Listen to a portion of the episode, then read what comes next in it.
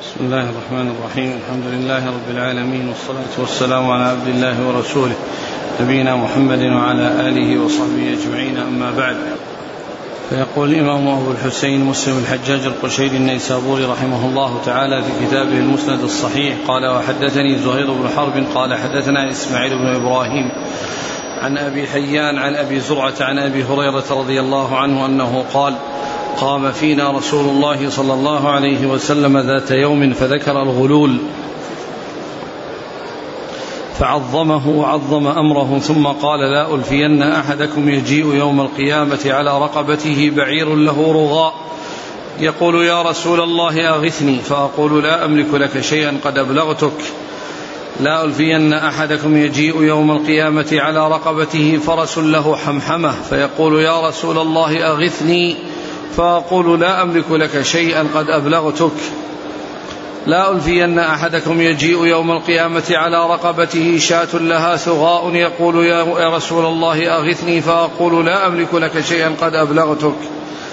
لا ألفين أحدكم يجيء يوم القيامة على رقبته نفس لها صياح فيقول يا رسول الله أغثني فأقول لا أملك لك شيئا قد أبلغتك. لا ألفين أحدكم يجيء يوم القيامة على رقبته رقاع تخفق فيقول يا رسول الله أغثني فأقول لا أملك لك شيئا قد أبلغتك. لا ألفين أحدكم يجيء يوم القيامة على رقبته صامت فيقول يا رسول الله أغثني فأقول لا أملك لك شيئا قد أبلغتك. قال وحدثنا أبو بكر بن أبي شيبة قال حدثنا عبد الرحيم بن سليمان عن أبي حيان حاء قال وحدثني زهير بن حرب قال حدثنا جرير عن أبي حيان وعمار بن القعقاع جميعا عن أبي زرعه عن أبي هريرة بمثل حديث إسماعيل عن أبي حيان. قال وحدثني أحمد بن سعيد بن صخر الدارمي قال حدثنا سليمان بن حرب قال حدثنا حماد يعني بن زيد عن أيوب عن يحيى بن سعيد عن أبي زرعة بن عمرو بن جرير عن أبي هريرة رضي الله عنه قال ذكر رسول الله صلى الله عليه وسلم الغلول فعظمه واقتص الحديث. قال حماد ثم سمعت يحيى بعد ذلك يحدثه فحدثنا بنحو ما حدثنا عنه أيوب. قال وحدثني أحمد بن الحسن بن خراش. قال حدثنا أبو معمر.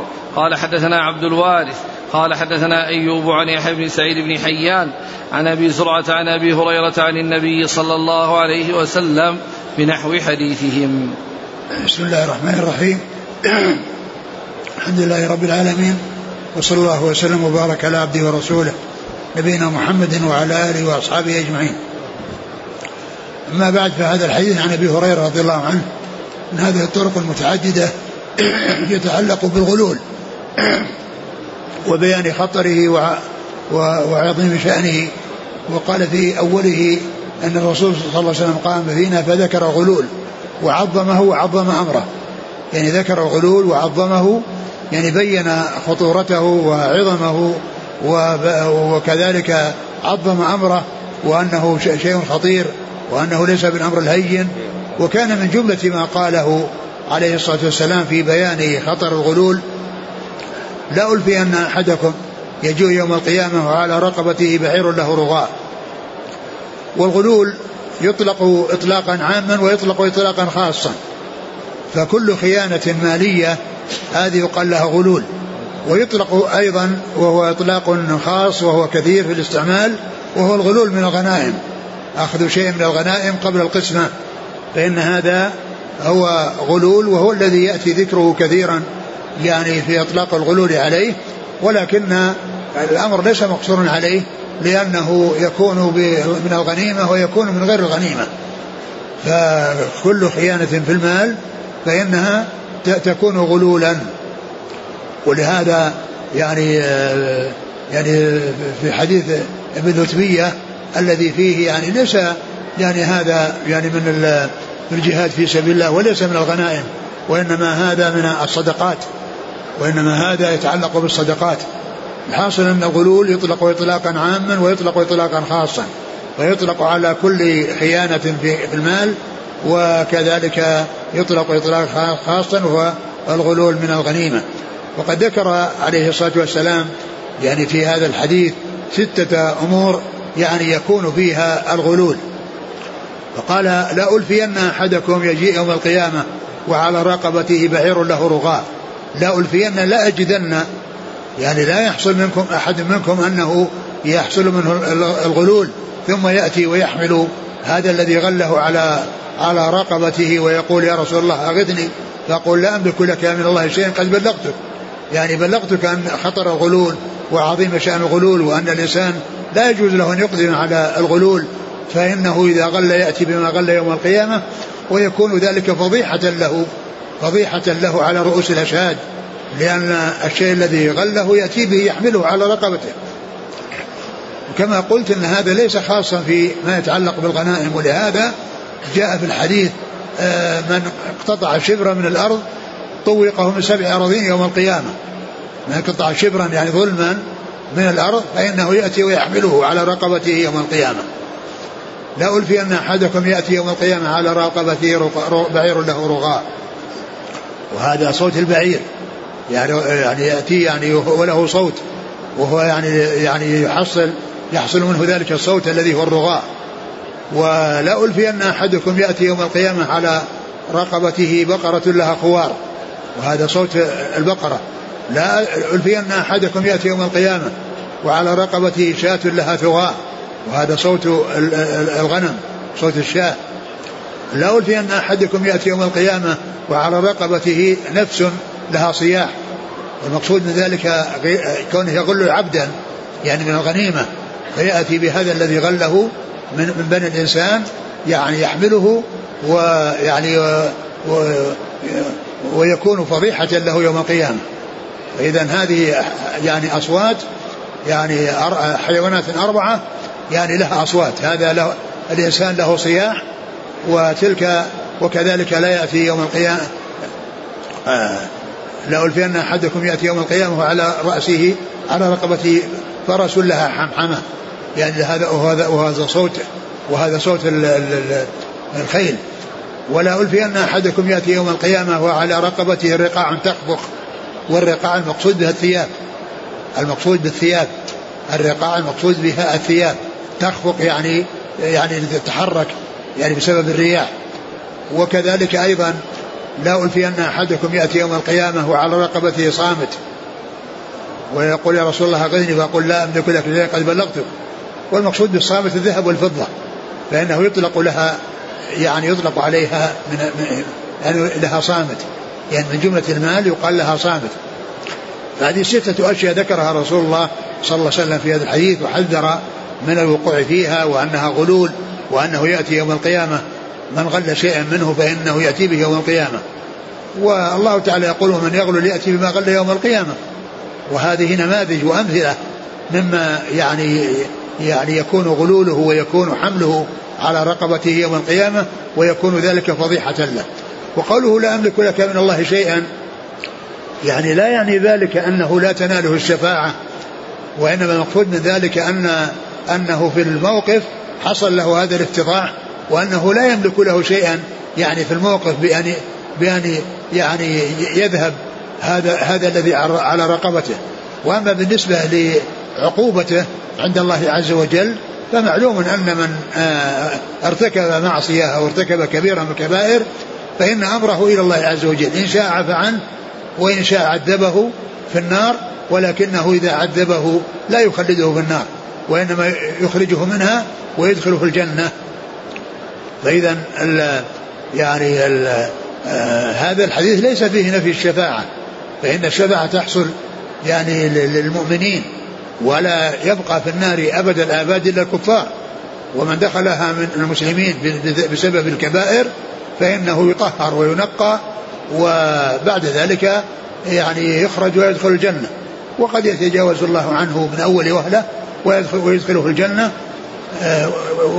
وذلك أنه تحت مشيئة الله. إن شاء عذب عفى عنه وأدخله الجنة من أول وهلة وإن شاء عذبه في النار ولكنه لا يخلده فيها بل يخرجه منها ويدخله الجنة. فتكون ذلك بشفاعة الشافعين وبعفو أرحم الراحمين. نعم. قال حدثني زهير بن حرب عن إسماعيل بن إبراهيم عن أبي حيان.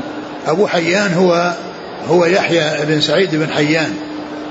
يعني كنيته أبو حيان وجده حيان. فهو مثل محمد بن علاء بن كريب أبو كريب. يعني كنيته توافق اسم جده. فهو يحيى بن سعيد بن حيان وكنيته أبو حيان. وهذا أحد من يسمى يحيى بن سعيد وهم أربعة. يعني في الصحيحين. يعني تأتي روايتهم يعني اثنان في طبقة متقدمة واثنان في طبقة متأخرة. فالذين في طبقة متأخرة أبو حيان هذا اللي هو يحيى بن سعيد وكذلك يحيى بن سعيد الأنصاري فإن هؤلاء في طبقة صغار التابعين. وفيه طبقة يعني طبقة شيوخ شيوخ أصحاب الكتب الستة وهم يحيى بن سعيد القطان ويحيى بن سعيد الأموي. وهذا يسمونه في المصطلح المتفق والمفترق وهو أن تتفق أسماء الرواة وأسماء آبائهم وتختلف أشخاصهم. نعم. عن أبي زرعة. أبو زرعة بن عمرو بن أبي بن جرير البجلي. عن أبي هريرة. نعم. قال وحدثنا أبو بكر بن شيبة عن عبد الرحيم بن سليمان عن أبي حيان حا قال وحدثني زهير بن حرب عن جرير. جرير بن عبد الحميد. قال وحدثني أحمد بن سعيد بن صرخ بن صخر الدارمي عن سليمان بن حرب عن حماد بن زيد عن أيوب. أيوب بن أبي تميم السختياني عن يحيى بن سعيد عن أبي زرعة بن عمرو بن جرير عن أبي هريرة. نعم. قال حماد ثم سمعت يحيى بعد ذلك يحدثه فحدثنا بنحو ما حدثنا عنه أيوب. نعم. قال وحدثني أحمد بن الحسن بن خراش عن أبي معمر. أبو معمر هو عبد الله بن عمرو المنقري. عن عبد الوارث بن سعيد العنبري. قال رحمه الله تعالى حدثنا أبو بكر أبي شيبة وعمر الناقد وابن أبي عمر واللفظ لأبي بكر قالوا حدثنا سفيان بن عيينة عن الزهري عن عروة عن أبي حميد الساعدي رضي الله عنه أنه قال استعمل رسول الله صلى الله عليه وسلم رجلا من الأسد يقال له ابن اللتبية قال عمرو وابن أبي عمر على الصدقة. فلما قدم على فلما قدم قال هذا لكم وهذا لي أهدي لي. فقال فقام رسول الله صلى الله عليه وسلم على المنبر فحمد الله وأثنى عليه وقال ما بال عامل أبعثه فيقول هذا لكم وهذا أهدي لي. أفلا قعد في بيت أبيه أو في بيت أمه حتى ينظر أيهدى إليه أم لا؟ والذي نفس محمد بيده لا ينال أحد منكم منها شيئا إلا جاء به يوم القيامة يحمله على عنقه بعير له رغاء أو بقرة لها خوار أو شاة تيعر. ثم رفع يديه حتى رأينا عفرتي إبطيه.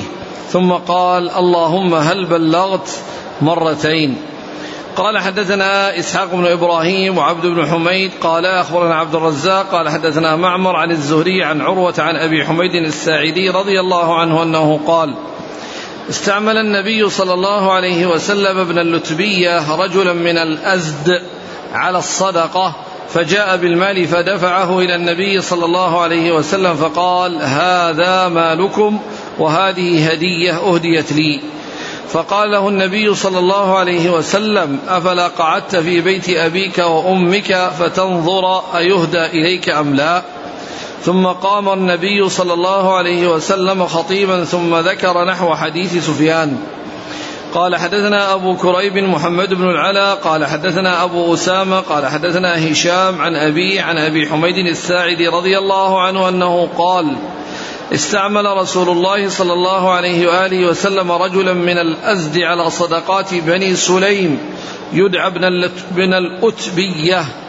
فلما جاء حاسبه قال هذا مالكم وهذا هدية.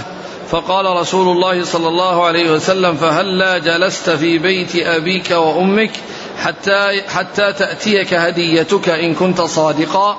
ثم خطبنا فحمد الله وأثنى عليه ثم قال أما بعد فإني أستعمل الرجل منكم على العمل مما ولاني الله فيأتي فيقول هذا مالكم وهذا هدية أهديت لي. أفلا جلس في بيت أبيه وأمه حتى تأتيه هديته إن كان صادقا؟ والله لا يأخذ أحد منكم منها شيئا بغير حقه إلا لقي الله تعالى يحمله يوم القيامة. فلأعرفن أحدا منكم لقي الله يحمل بعيرا له رغاء أو بقرة لها خوار أو شاة تيعر. ثم رفع يديه حتى رؤي بياض إبطيه. ثم قال اللهم هل بلغت؟ بصر عيني وسمع أذني. قال وحدثنا ثم ذكر, ثم ذكر هذا الحديث عن أبي حميد الساعدي. رضي الله عنه من هذه الطرق. وفيه أن الرسول عليه الصلاة والسلام استعمل رجلا من الأزد أو من من الاسد يعني يقال له ابن اللتبية استعمله على الصدقة. ولما جاء من الصدقة أتى بالمال وقال هذا لكم وهذا أهدي الي هذا لكم وهذا أهدي الي فالرسول صلى الله عليه وسلم أنكر عليه. وقال يعني وخطب الناس وقال ما بال الرجل نستعمله على عمل؟ فيأتينا ويقول هذا لكم وهذا أهدي إلي. ألا جلس في بيت أبيه وأمه فينظر هل تأتيه هديته؟ يعني معنى ذلك أن الإنسان يعني أن العامل أو أن الموظف أو أن المسؤول يعني ليس له أن يقبل الهدايا التي تهدى إليه. لأن هذه الهدايا بمعنى الرشوة. وهي رشوة وإن سميت هدية. وإنما تعطى يعني تعطى تعطى للعمال وللرؤساء وللمس يعني الموظفين يعني من أجل أنهم يراعونهم أو يعني يحققون لهم شيء يريدونه يعني في مقابل شيء يطلبونه.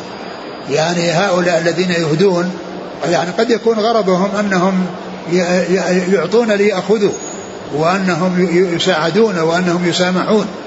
وفيما يتعلق بالنسبة لل ابن الصدقة يمكن الإنسان يعطي هدية حتى يخفف عنه. أو حتى تخفف عنه عن عن الصدقة وأنه يطالب بسن أصغر من سنه التي يستحقها التي يجب عليه. فيعني الحاصل أن أن هذا الذي يعطى هدية للعامل هذا لا يجوز له يقبلها ولا يجوز لأحد أن يقدمها.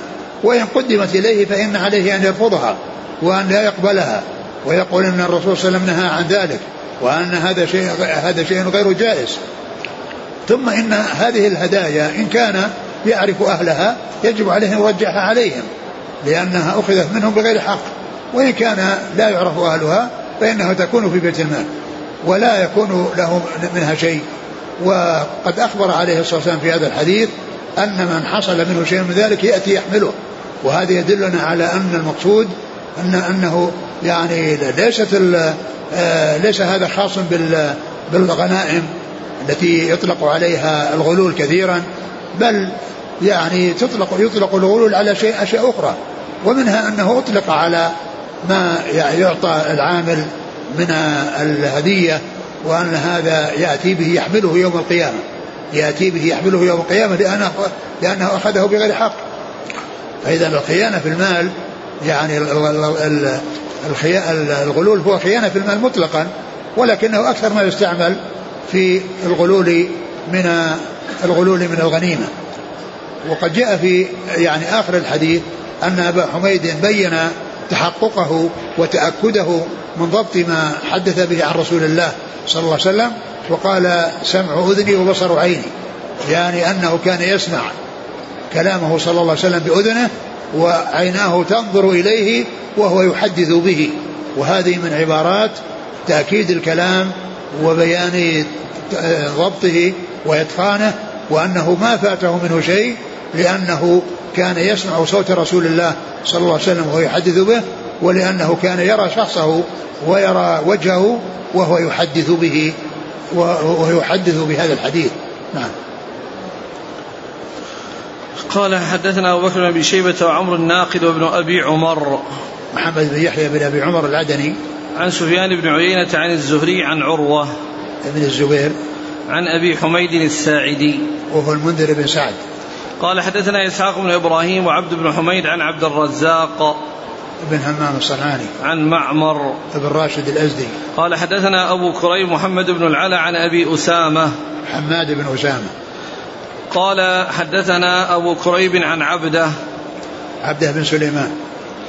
قال وحدثنا أبو كريب قال حدثنا عبدة وابن نمير وأبو معاوية حا قال وحدثنا أبو بكر بن أبي شيبة قال حدثنا عبد الرحيم بن سليمان حا قال حدثنا ابن أبي عمر قال حدثنا سفيان كلهم عن هشام بهذا الإسناد وفي حديث عبدة وابن نمير فلما جاء حاسبه كما قال أبو أسامة وفي حديث ابن نمير تعلمن والله والذي نفسي بيده لا يأخذ أحد منها شيئا.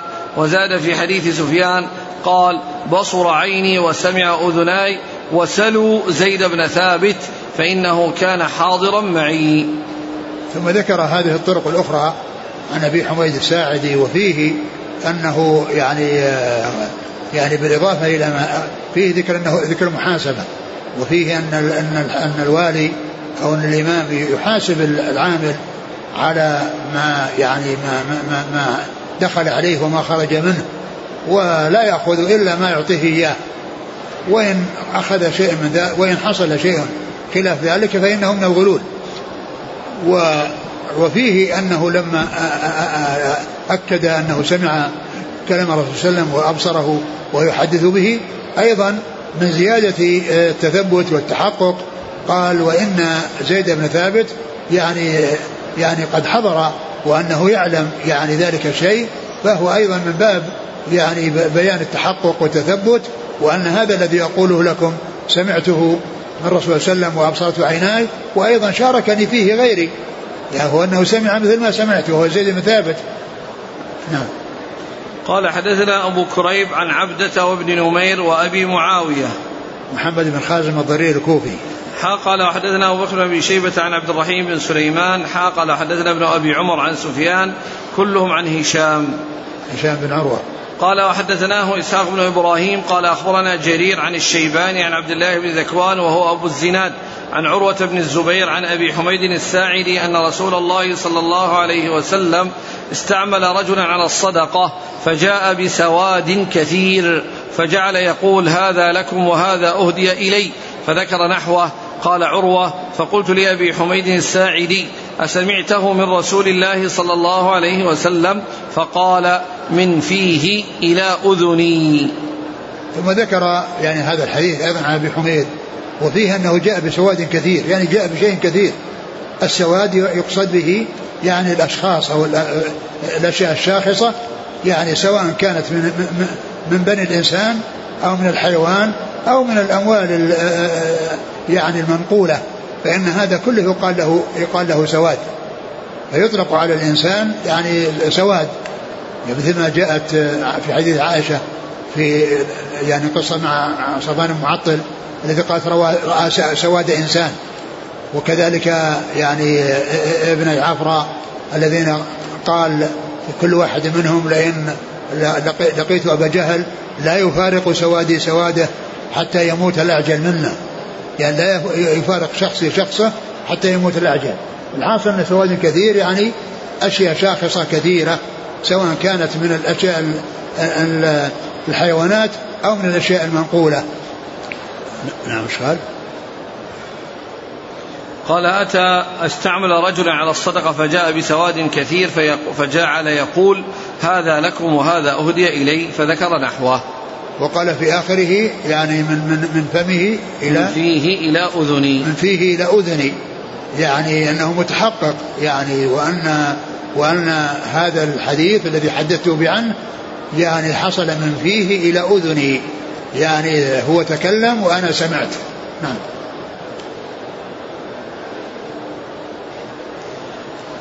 قال حدثناه إسحاق بن إبراهيم عن جرير عن ابن, ابن عبد الحميد عن الشيباني وهو سليمان بن فيروز أبو إسحاق عن عبد الله بن ذكوان أبو الزناد عن عروة بن الزبير. نعم. قال حدثنا أبو بكر بن أبي شيبة قال حدثنا وكيع بن الجراح قال حدثنا إسماعيل بن أبي خالد عن قيس بن أبي حازم عن عدي بن عميرة الكندي رضي الله عنه أنه قال سمعت رسول الله صلى الله عليه وسلم يقول من استعملناه منكم على عمل فكتمنا مخيطا فما فوقه كان غلولا. يأتي به يوم القيامة. قال فقام إليه رجل أسود من الأنصار كأني أنظر إليه. فقال يا رسول الله اقبل عني عملك. قال وما لك؟ قال سمعتك تقول كذا وكذا. قال وأنا أقوله الآن من استعملناه منكم على عمل فليجئ بقليله وكثيره. فما أوتي منه أخذ وما نهي عنه انتهى. قال وحدثناه محمد بن عبد الله بن نمير قال حدثنا أبي ومحمد بن بشر. حا قال وحدثني محمد بن رافع قال حدثنا أبو أسامة قالوا حدثنا إسماعيل بهذا الإسناد بمثله. قال وحدثناه إسحاق بن إبراهيم الحنظلي قال أخبرنا الفضل بن موسى قال حدثنا إسماعيل بن أبي خالد قال أخبرنا قيس بن أبي حازم قال سمعت عدي بن عميرة الكندي يقول سمعت رسول الله صلى الله عليه وسلم يقول بمثل حديثهم. ثم ذكر هذا الحديث عن عدي بن عميرة الكندي رضي الله عنه الذي يقول فيه أن النبي صلى الله عليه وسلم قال من استعملناه على عمل فكتمنا مخيطا يعني فما فوقه المخيط هو الإبرة التي يخاط بها. وهو من أسماء الآلة لأن آه، اسم الآلة يأتي على مفعل ومفعال يعني مخيط ويعني ومشرط ومبرد وكذلك مفعال مثل مفتاح وميزان ومكيال فإن هذه أسماء آلات يعني يعني المخيط لما يخاط به والمشرط لما يشرط به والمبرد لما يبرد به والمكيال لما يكال به والميزان لما يوزن به والمفتاح لما يفتح به فهذه أسماء آلات. ومقصود من ذلك يعني بيان هذا الحد الأدنى وأن يعني المخيط وهو شيء قليل يعني فما زاد عليه فإنه يكون يعني من باب أولى. وهذا يبين لنا خطر خطورة الغلول مطلقا يعني الخيانة فيه. ولهذا قال من استعملناه على عمل وهذا ليس خاصا في الغنيمة وإنما هو بمعنى الغلول المعنى العام الذي يشمل الغلول في الغنيمة وغير الغنيمة وأن من كتم شيئا فإنه يعني يفتضح به يعني يوم القيامة. و و وفيه أن رجلا من الأنصار قال يقبل عملك فقال وما لك قال سمعتك تقول كذا وكذا قال وأنا أقوله الآن. وهذا يدلنا على ما كان لأصحاب الرسول صلى الله عليه وسلم من الخوف والحذر من التقصير يعني في ما يناط بهم من أعمال خشية أن يؤاخذوا على ذلك. ولهذا هذا الرجل بادر لما سمع الرسول صلى الله عليه وسلم يقول اقبل مني عملك يعني ما أريد أن أشتغل. يعني لأن ما دام في هذه التبعة وما دام في هذا المحذور فإنه لا يريد أن يعني يحمل نفسه شيئا تترتب عليه تبعاته يعني في الدار. في الدار الآخرة. نعم. قال حدثنا ابو بكر بن شيبة عن وكيع بن الجراح عن إسماعيل بن أبي خالد عن قيس بن أبي حازم عن علي بن عميرة الكندي. قال حدث قيس بن أبي حازم هذا احد أحد المخضرمين الذين أدركوا الجاهلية والإسلام ولم يلقوا النبي عليه الصلاة والسلام. نعم.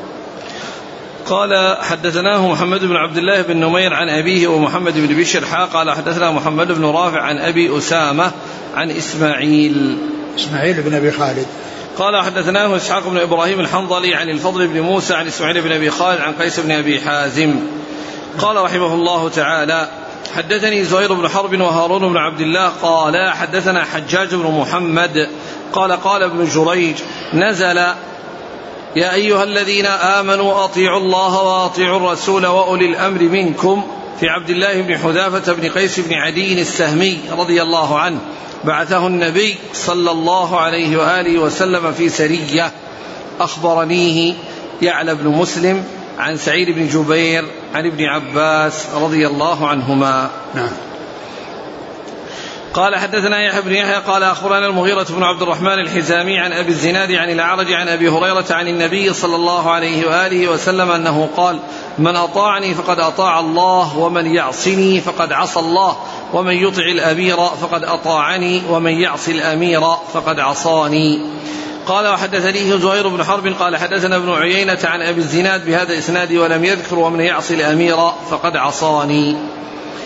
قال وحدثني حرملة بن يحيى قال أخبرنا ابن وهب قال أخبرني يونس عن ابن شهاب أخبر أنه قال أخبره عن يونس بن شهاب أخبره قال حدثنا أبو سلمة بن عبد الرحمن عن أبي هريرة عن رسول الله صلى الله عليه وسلم أنه قال من أطاعني فقد أطاع الله ومن عصاني فقد عصى الأمير ومن عصاني فقد عصى الله ومن أطاع أميري فقد أطاعني ومن عصى أميري فقد عصاني قال وحدثني محمد بن حاتم قال حدثنا مكي بن إبراهيم قال حدثنا ابن جريج عن زياد عن ابن شهاب أن أبا سلمة بن عبد الرحمن أخبره أنه سمع أبا هريرة رضي الله عنه يقول قال رسول الله صلى الله عليه وسلم بمثله سواء.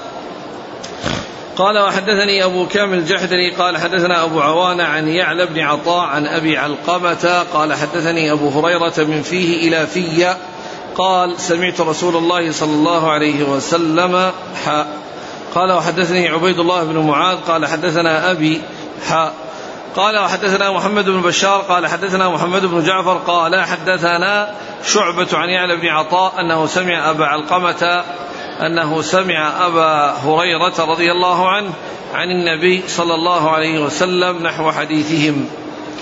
قال وحدثنا محمد بن رافع قال حدثنا عبد الرزاق قال حدثنا معمر عن همام بن منبع عن أبي هريرة عن النبي صلى الله عليه وسلم بمثل حديثهم. قال وحدثني أبو الطاهر قال أخبرنا ابن وهب عن حيوى أن أبا يونس مولى أبي هريرة حدثه قال سمعت أبا هريرة رضي الله عنه يقول عن رسول الله صلى الله عليه وسلم بذلك وقال من أطاع الأمير ولم يقل أميري. وكذلك في حديث همام عن أبي هريرة. قال وحدثنا انتهى حديث أبي هريرة. ثم ذكر يعني هذه الأحاديث المتعلقة بطاعة الأمراء وأن طاعتهم مطلوبة ولكن في حدود طاعة الله ورسوله عليه الصلاة والسلام وأنهم إذا أمروا بمعصيه فلا سمع ولا طاعة. والله تعالى يقول يا أيها الذين آمنوا اطيعوا الله وأطيعوا الرسول وأولي الأمر منكم.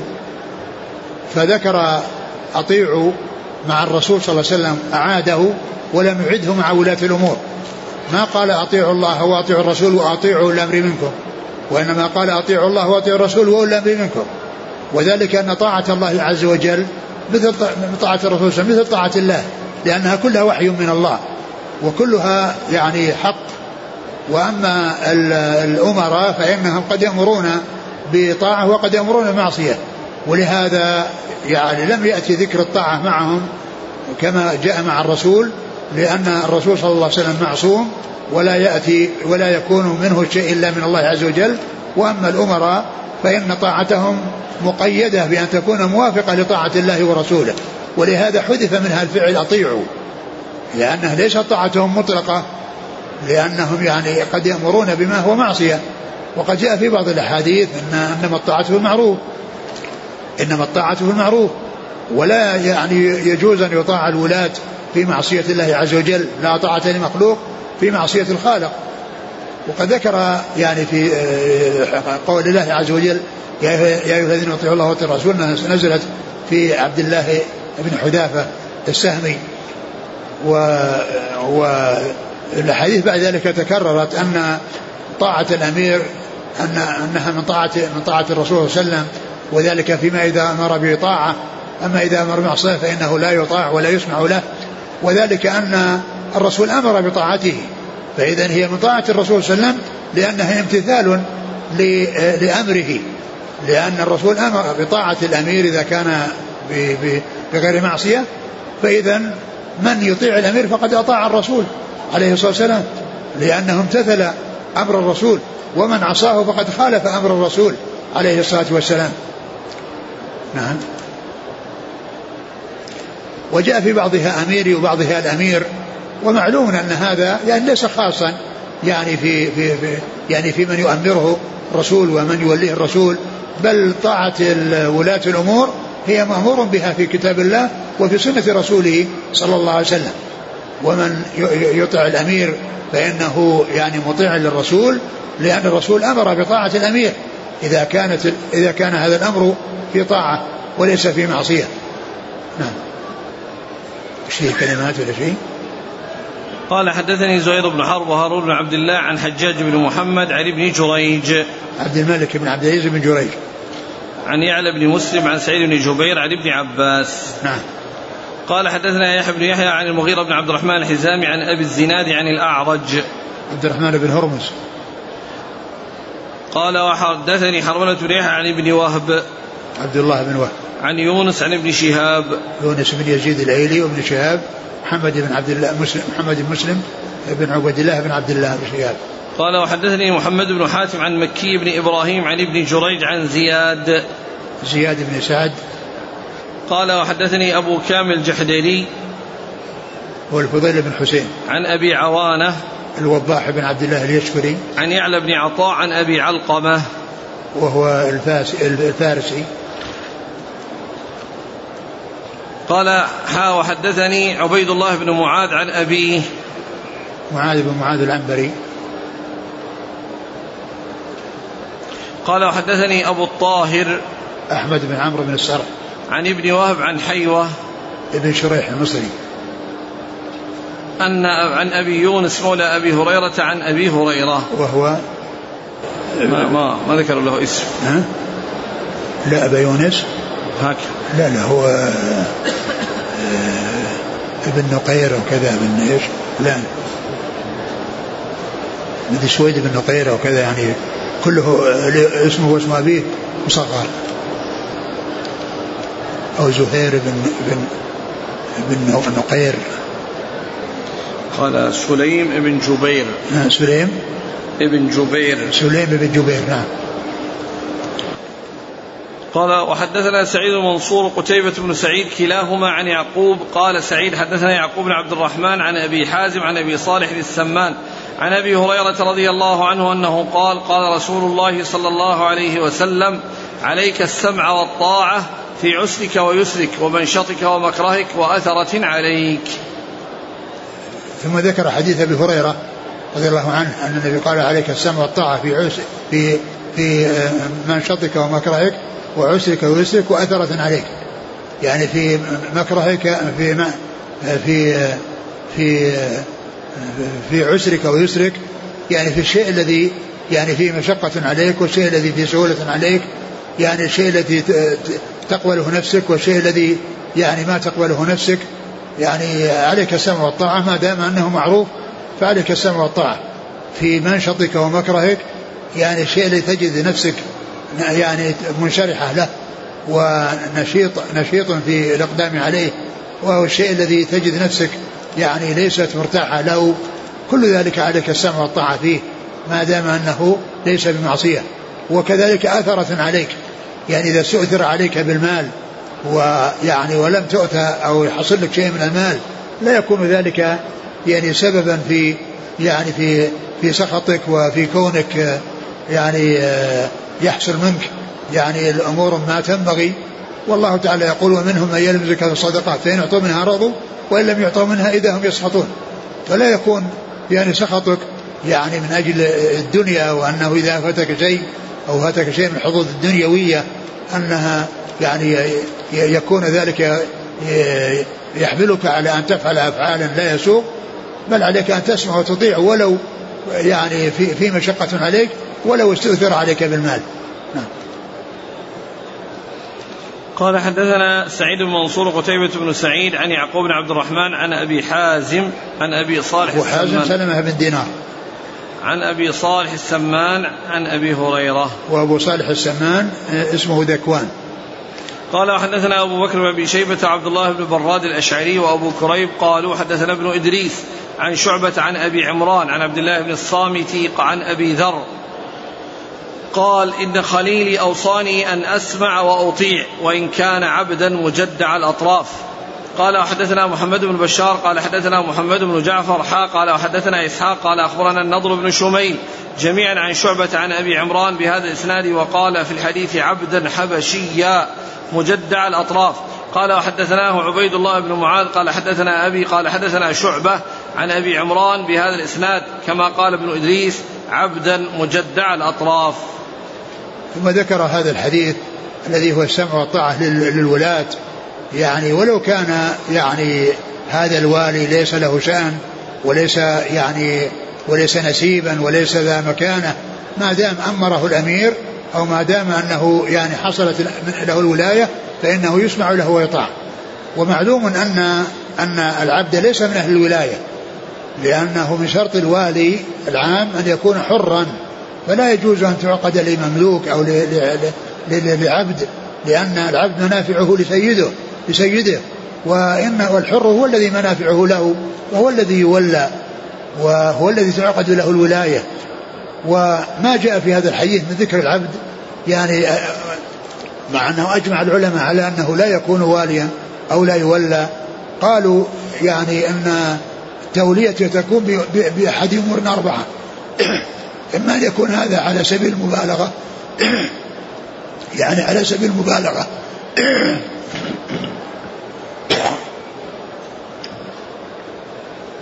على سبيل المبالغة يعني ولو كان عبدا مجدع يعني هذا على سبيل المبالغة. أو قوله يعني أو أن أن أن الخليفة ولاه ولا عبدا من العبيد على قرية أو على مدينة. فهذا يصير أيضا. وكذلك أيضا يعني إذا كان يعني باعتبار ما كان يعني كان يعني عبدا ولكنه حين توليته حر ولكن سبق له رق و أو كان أو تغلب على الناس وتسلط على الناس بشوكته وقوته حتى استتب له الأمر فإنه يسمع له ويطاع. إذا العبد لا يجوز أن تعقد له الولاية بالإجماع ولكنه يعني ما جاء من الأحاديث في أنه يسمع له ويطاع يحصل ذلك بأحد أمور أربعة. إما أن هذا على سبيل المبالغة وإن كان هذا لا يص... يعني لا يعني لا يعني لا يسوغ شرعا أو كان يعني ولاه الخليفة على قرية أو مدينة أو على جيش أو ما إلى ذلك ولاية خاصة أو أنها أنه باعتبار ما كان يعني يعني بأنه أطلق عليه عبد باعتبار الماضي مثل قوله آتوا اليتامى أموالهم يعني لأنهم يعني يعطون أموالهم بعدما يبلغوا. ولكنه بقوله باعتبار ما كان وآتوا اليتامى الذين كانوا يتامى وإلا هم في حال يتمهم لا يعطون المال وإنما يعطون بعد البلوغ والرشد.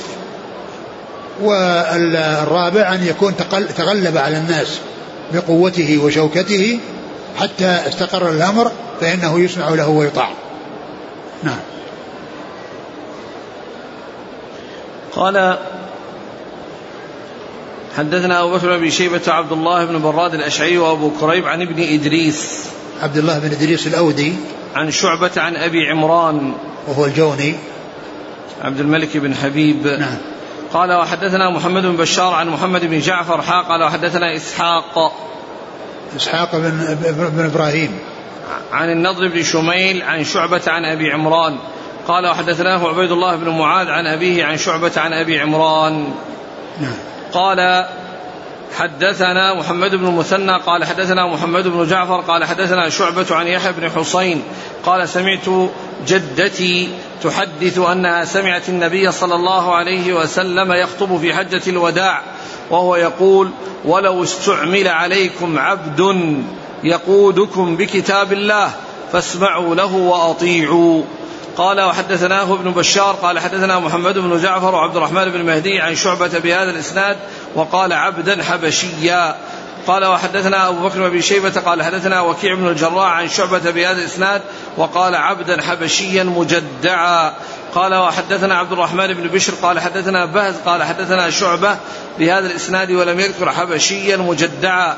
وزاد أنها سمعت رسول الله صلى الله عليه وسلم بمنى أو بعرفات.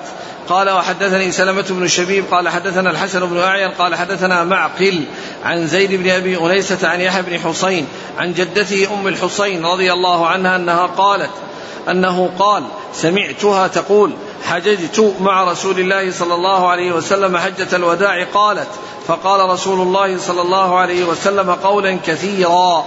ثم سمعته يقول إن أمر عليكم عبد مجدع حسبتها قالت. أسود يقودكم بكتاب الله فاسمعوا له وأطيعوا. ثم ذكر هذا الحديث عن أم الحسين يعني جدة يعلى بن حسين أن أنها حجت مع الرسول صلى الله عليه وسلم وأنها سمعته بمنى أو بعرفات يعني يأمر بالسمع والطاعة للوالي وإن كان الذي استعمل عبدا حبشيا مجدع الأطراف يعني أنه مقطع الأطراف أو في يعني في في, في خلل. ففي خلل في أصله وخلل في يعني في خلق في في في, في, في النقص منه وأنه قد قطع منه شيء. ف وقال يقودكم بكتاب الله. يعني إذا كان هذا يأمر أمر بطاعة.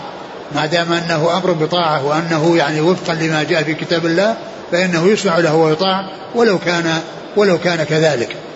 وذكر في الأول يعني جدته مبهمة ثم بعد ذلك سماها بقوله بقوله أم الحصين. نعم. قال حدثنا محمد المثنى عن محمد بن جعفر عن شعبة عن يحيى بن حسين عن جدته. قال وحدثنا ابن بشار عن محمد بن جعفر عبد الرحمن بن مهدي عن شعبة. قال وحدثنا عبد الرحمن بن بشر عن بهز. بهز بن أسد العمي. قال وحدثني سلمة بن شبيب عن الحسن بن أعين عن معقل. معقل بن عبيد الله. عن زيد بن أنيسة عن يحيى بن حسين عن جدته أم الحسين. نعم. قال حدثنا قتيبة بن سعيد قال حدثنا ليث عن عبيد الله عن نافع عن ابن عمر عن النبي صلى الله عليه وآله وسلم أنه قال على المرء على المرء المسلم السمع والطاعة فيما أحب وكره إلا أن يؤمر بمعصية فإن أمر بمعصية فلا سمع ولا طاعة. وهذا حديث نعم. قال وحدثناه زهير بن حرب ومحمد المثنى قال حدثنا يحيى وهو القطان حا قال وحدثنا ابن نمير قال حدثنا أبي كلاهما عن عبيد الله بهذا الإسناد مثله. ثم ذكر هذا الحديث عن ابن عمر رضي الله عنهما وأن على المرء المسلم السمع والطاعة فيما أحب وكره إلا أن يؤمر بمعصية فلا سمع ولا طاعة. يعني أن أن أن الإنسان يسمع ويطيع فيما يحبه ويكرهه يعني مثل ما تقدم هناك في منشطه ومكرهه ويعني عسره ويسره يعني أن المحذور والممنوع أن يكون في معصية. أما إذا كان يعني بشيء لا تشتهي النفوس أو لا تميل إليه النفوس فإن الإنسان عليه أن يسمع ويطيع. ولكنه إذا أمر بمعصية فإنه لا سمع ولا طاعة ولا طاعة لمخلوق في معصية الله عز وجل. قال حدثنا قتيبة بن سعيد عن ليث عن عبيد الله. عبيد الله بن عمر العمري. قال حدثنا محمد بن مثنى وابن بشار واللفظ لابن المثنى. قال حدثنا محمد بن جعفر عن شع قال حدثنا شعبة عن زبيد عن سعد بن عبيدة عن أبي عبد الرحمن عن علي رضي الله عنه أن رسول الله صلى الله عليه وسلم بعث جيشا وأمر عليهم رجلا فأوقد, فأوقد نارا وقال ادخلوها. فأراد ناس أن يدخلوها. وقال الآخرون إنا قد فررنا منها.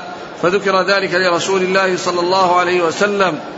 فقال للذين أرادوا أن يدخلوها لو دخلتموها لم تزالوا فيها إلى يوم القيامة. وقال للآخرين قولا حسنا. وقال لا طاعة في معصية الله. إنما الطاعة في المعروف. ثم ذكر هذا الحديث عن علي رضي الله عنه وهو أن النبي عليه الصلاة والسلام قال النبي صلى الله عليه وسلم بعث جيشا وأمر عليهم رجلا. بعث جيشا وأمر عليهم رجلا فأوقد نارا وأمرهم بأن يدخلوا فيها فقال بعض فبعضهم أراد أن يدخل وبعضهم قال إننا إنما آمنا ودخلنا في دين الإسلام مع الرسول صلى الله عليه وسلم خوفا من النار. فكيف نلقي بأنفسنا بالنار وبعد ذلك يعني آه بلغ ذلك الرسول صلى الله عليه وسلم فقال للذين أرادوا أن يدخلوا لو دخلوها ما خرجوا منها لأنهم فعلوا أمرا لا يجوز. وهذا يعني أمر بمعصية ولا سمع ولا طاعة في المعصية. وقال للذين يعني الآخرين قولا حسنا لأنهم قالوا إنما دخلنا في الإسلام خوفا من النار فكيف نلقي بأنفسنا في النار؟ ونحن إنما دخلنا في الإسلام فرارا من النار. فقال لهم قولا حسنا ثم قال إنما الطاعة في المعروف ولا طاعة لما لا طاعة في معصية الله. إيش اللفظ؟ قال إنما الطاعة. إنما الطاعة في المعروف. إنما الطاعة هذا حصر يعني هذه من صيغ الحصر. إنما الطاعة في المعروف. يعني أنها خاصة فيما هو معروف والمعروف يعني هو ما هو سائغ شرعا الذي هو خلاف المنكر وخلاف المحرم إنما الطاعة معروف معروف أي مقصورة على ما كان في أمر معروف أو في شيء معروف وليس في شيء محرم. نعم. وبعده؟ انتهى. لا كلام بقية إنما طاعة المعروف لا طاعة المعروف. لا خلاص. نعم. لفظ الحديث هنا نعم. الرواية إنما الطاعة في المعروف. نعم. قال حدثنا محمد بن مثنى بن بشار عن محمد بن جعفر عن شعبة عن زبيد. زبيد بن الحارث اليامي. عن سعد بن عبيدة عن أبي عبد الرحمن. وهو عبد الله بن حبيب. عن علي. عبد الله بن حبيب آه، نعم. السلمي. نعم عن علي رضي الله عنه أمير المؤمنين. نعم.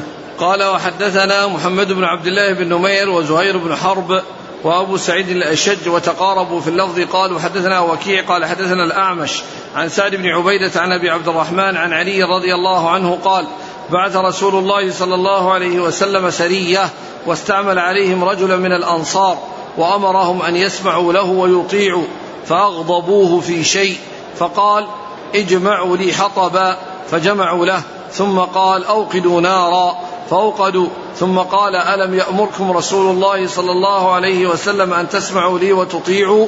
قالوا بلى. قال فادخلوها. قال فنظر بعضهم إلى بعض فقالوا إنما فررنا إلى رسول الله صلى الله عليه وسلم من النار فكانوا كذلك وسكن غضبه وطفئت النار. فلما رجعوا ذكروا ذلك للنبي صلى الله عليه وسلم فقال لو دخلوها ما خرجوا منها إنما الطاعة في المعروف. ثم ذكر هذا الحديث أن الرسول يعني ولا يعني رجلا يعني على قوم وأمرهم أن يسمعوا ويطيعوا له وأغضبوه حصل منهم يعني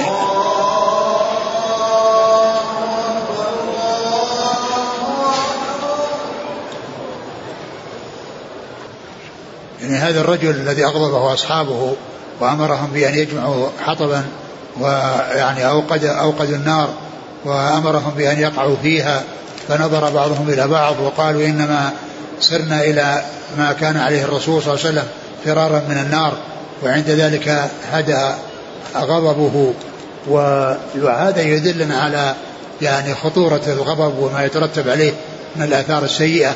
ولهذا الرسول صلى الله عليه وسلم لما طلب من رجل أن يوصيه قال لا تغضب وردد مرارا قال لا تغضب لأن الغضب يترتب عليه أمور خطيرة ويترتب عليه أمور سيئة ولهذا يعني في ذلك تنبيه إلى الحذر وأن الإنسان يدافع الغضب عن نفسه يعني حتى لا يحصل من من ذلك لذلك آثار يعني سيئة. نعم. استعمل عليهم رجل من الأنصار وأمرهم أن يسمعوا له ويطيعوا فأغضبوه. قال اجمعوا لي حطبا فجمعوا ثم قال أوقدوا نارا فأوقدوا. ثم قال ألم يأمركم رسول الله صلى الله عليه وسلم أن تسمعوا لي وتطيعوا؟ قالوا بلى. قال فادخلوها.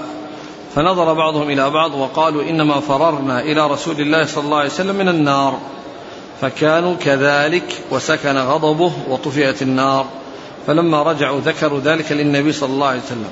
قال لو دخلوها ما خرجوا منها. قال لو نعم لو دخلوا. لو دخلوها ما خرجوا منها. نعم. إنما الطاعة في المعروف. لو دخلوها ما خرجوا منها يعني معناه أنهم يعني حصلوا العقوبة وأنهم قال لو دخلوها ما خرجوا منها. لكن كما هو معلوم جاءت النصوص على أن أن أن أن, أن, أن من حصل منه يعني معاصي وإن أمره إلى الله عز وجل يعني إن شاء عذبه وإن شاء تجاوز عنه.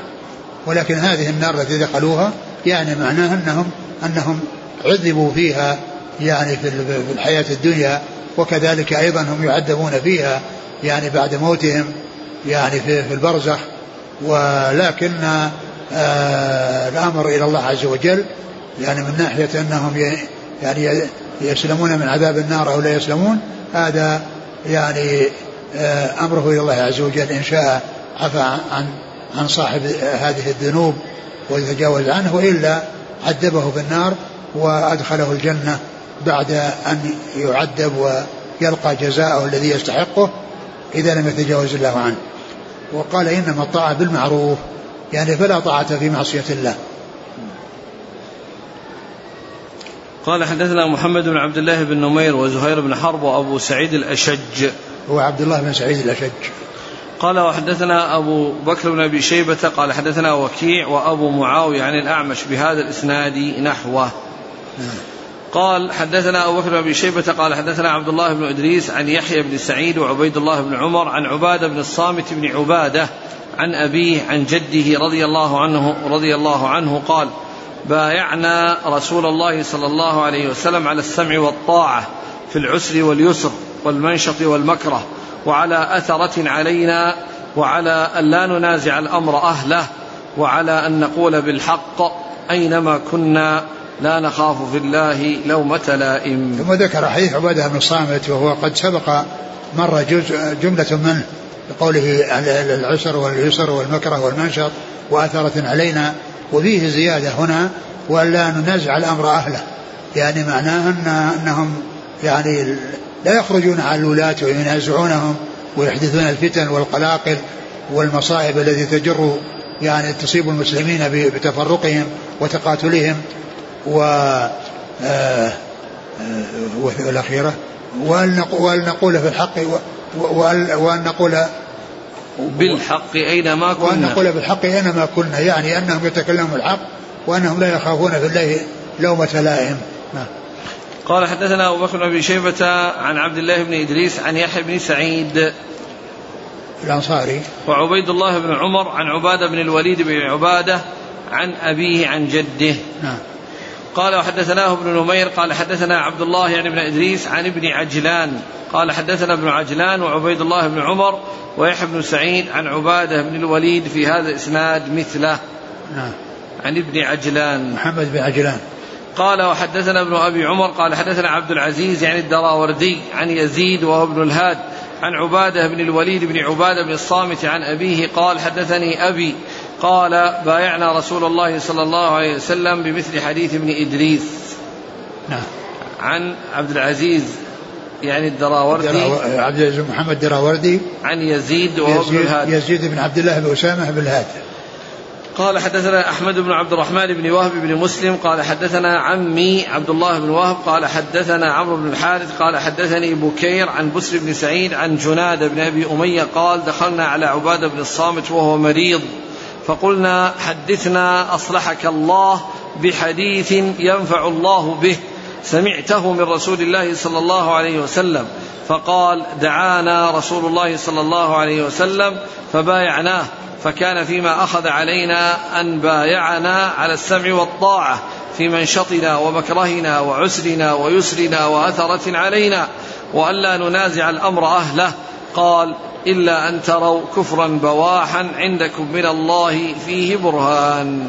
ثم ذكر هذا الحديث وفيه زيادة على يعني على ما تقدم يعني أنهم يعني يسمعون ويطيعون ولكن يعني ولا ينازعون الأمر يعني إلا أن يروا كفرا بواحا عند الله عند الناس فيه من الله برهان لأنه يكون بذلك خرج عن كونه مسلما. ولكن حتى ولو كان يعني كافرا ولكن يعني أن الخارجين عليه ضعيفين يفنيهم ويبقى في مكانه فهذا لا مصلحة فيه. ولكن يجوز لهم إذا كان عندهم القدرة على التخلص منه يتخلصون. بخلاف المسلم فإنهم لا يجوز لهم أن يقدموا ولو كانوا عندهم قدرة على التخلص منه. وإنما الكافر هو الذي يجوز الخروج عليه لكن هذا الخروج مقيد فيما إذا كان يعني سيتخلصون منه. أما إذا كان معروف أنه سيستأصلهم وأن يبقى في مكانه فهذا ليس من الحكمة ولا فائدة من وراءه. نعم. قال حدثنا أحمد بن عبد الرحمن بن, عبد بن وهب بن مسلم عن عمه عبد الله بن وهب عن عمرو بن الحارث عن بكير. بكير بن عبد الله بن الأشج. عن بسر بن سعيد عن جناد بن أبي أمية عن عبادة بن الصامت. نعم. قال رحمه الله تعالى حدثني زهير بن حرب قال حدثنا شبابة قال حدثني ورقاء عن أبي الزناد عن الأعرج عن أبي هريرة عن النبي صلى الله عليه وسلم قال إنما الإمام جنة يقاتل من ورائه ويتقى به فإن أمر بتقوى الله عز وجل وعدل كان له بذلك أجر وإن يأمر بغيره كان عليه منه. والله تعالى أعلم وصلى الله وسلم وبارك على عبده ورسوله نبينا محمد وعلى آله وأصحابه أجمعين. جزاكم الله خيرا وبارك الله فيكم. ألهمكم الله الصواب ووفقكم للحق. شفاكم الله وعافاكم. ونفعنا الله ما سمعنا وغفر الله لنا ولكم وللمسلمين أجمعين. آمين. نصيحتكم حفظكم الله لمن يدرس هذه الأحاديث ويخطب فيها في الجمع أن هذا من غلاة الطاعة. الواجب على كل مسلم أن يكون مستسلما منقادا لما جاء عن الله وعن رسوله صلى الله عليه وسلم. والذي يبين يعني هذه الأحاديث ويوضحها ويحذر الناس من من من, من يعني مخالفتها والوقوع في شيء يترتب عليه فساد ويترتب عليه فوضى واضطراب. يعني هذا يعني هذا هو الواجب.